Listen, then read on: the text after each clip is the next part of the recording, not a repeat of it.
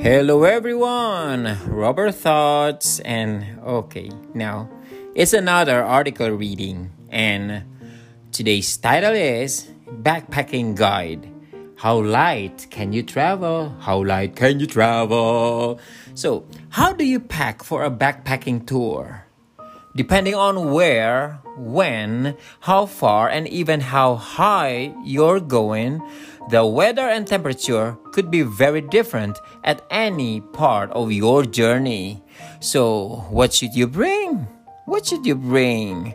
For many backpacking experts, the answer starts with several layers of light clothing and, if you have enough money, the most lightweight equipment.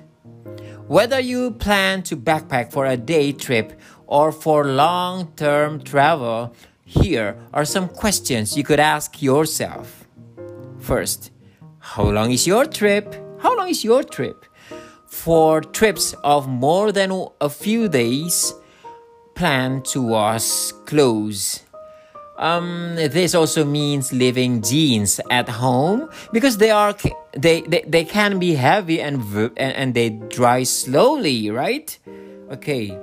Next, what type of trip is it? For around the world backpacking tour, you'll probably be using things like planes and buses to travel between cities and stay in places like hostels at night. For this type of tour, You'll probably want a big main backpack and a smaller one for exploring the city during the day. But if you'll be doing a long distance, multi-day hike, you'll probably need just need um, one big backpack to carry things like a tent, food, and a small stove, and make sure it's comfortable. Next, what type of weather do you expect? If you can't answer this question, prepare for both sun and rain and warmer and cooler weather.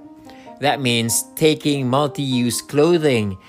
A pocket sized jacket is useful if you are traveling in summer.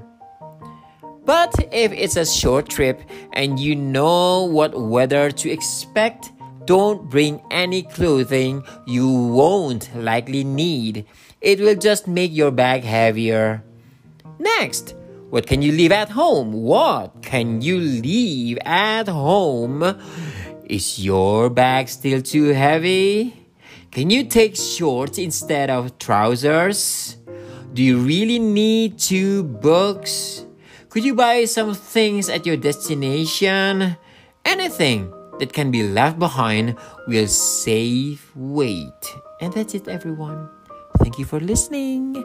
I'll see you again. Bye.